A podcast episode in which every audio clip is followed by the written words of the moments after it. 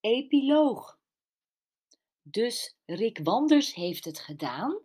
Jules zat met opgetrokken knieën ademloos naar Brenda te luisteren. Aha.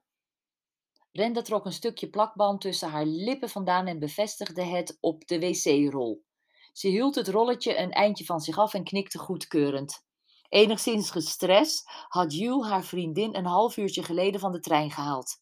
Mijn kerstdecoraties zijn nog niet klaar, had ze gejammerd. Wil je me alsjeblieft helpen? Dan schenk ik een bubbel in en vertel jij me tot in detail alles van wat jij vandaag hebt meegemaakt. Brenda had dankbaar ingestemd. Alles aan Jules' voorstel beviel haar. Ze was een kei in kerstdecoraties maken. Ze kon niets lekkerders bedenken dan een glas champagne en ze kon niet wachten om Jules haar spannende verhaal te vertellen. Maar hoe wist je dat? Wanneer wist je dat hij, hij Ron Prins had vergiftigd? Jules leek detective Herring wel. Ik wist op het moment dat Jean de Graaf in de aankomsthal van het vliegveld naar die donkerharige dame liep, dat er iets geks aan de hand was. Toen ik hem later op het nieuwsfilmpje hand in hand zag lopen, werd de situatie nog vreemder.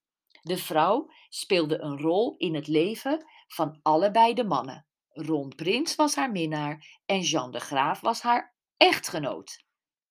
Toen mijn oud-collega Petra mij een berichtje stuurde dat niet de blinis, maar de koffievergif bevatte, kwam bij mij direct Rick in beeld. Hij had samen met Ron Prins de koffie gehaald. Er klikte meteen een aantal dingen op zijn plaats.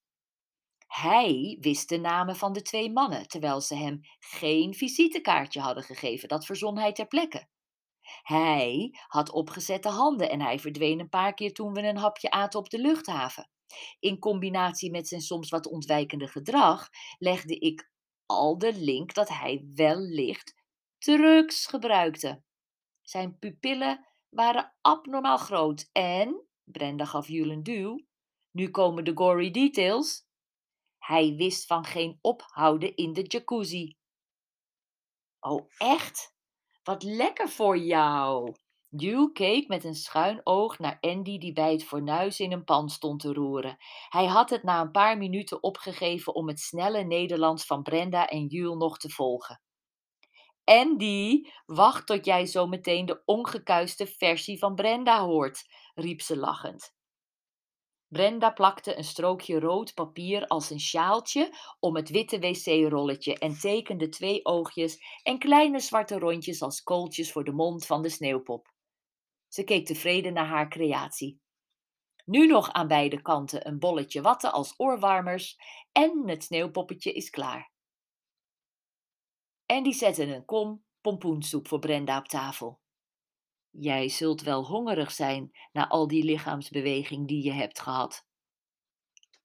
Stoïcijns hief Brenda haar hoofd op. Ja, Andy, jij kunt trots op me zijn. Ik heb me vanmiddag heerlijk vermaakt in de jacuzzi. That's my girl, grinnikte Andy. Als het maar een goede vent was, anders krijgt hij het met mij aan de stok. Brenda schudde afkeurend haar hoofd. Uh, nee, het bleek helemaal geen goede vent te zijn, maar dat wist ik pas achteraf. Bren, vertel verder, bedelde Jules. De inspecteur had inmiddels ontdekt dat het niet zozeer de pannenkoekjes van Jean de Graaf waren die vergiftigd waren, maar dat de koffie een enorme dosis fentanyl bevatte. Een heel gevaarlijke druk waarvan een klein beetje al dodelijk kan zijn. Toen Rick tijdens het politieverhoor zei dat hij zijn chocoladereep niet meer had, maar die later wel op het bureau in de suite lag, wist ik dat daar iets mee was. Ik heb de chocolade meegenomen toen ik uit Rick's suite vluchtte en zag toen ik veilig bij de inspecteur aan tafel zat in een restaurantje op de hoek van het hotel, dat een zakje in het doosje vol zat met poeder. Fentanyl. Rick is uit zijn suite gehaald en meegenomen voor verhoor toen ik via de nooduitgang het hotel uitvluchtte.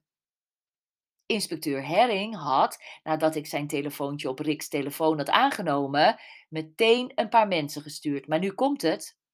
Ze pakte een volgend wc-rolletje en begon weer een sneeuwpopje te plakken. Ach, ik heb dit zo vaak met mijn kinderen gedaan. Sneeuwpopjes, rendieren, kerstmannen, hele proppen toiletpapier vond ik in de wc door die kids van mij afgewikkeld om zoveel mogelijk rolletjes en dus poppetjes te hebben. Vertel nou verder. Jules wiebelde op haar stoel van nieuwsgierigheid. Nou, Jean de Graaf wist ervan. Hij vertelde een fataal leugentje toen ik hem belde in het bijzijn van de inspecteur. Hij zei dat zijn vrouw toevallig op de luchthaven was. Onzin natuurlijk. Ze wachtte op Ron Prins.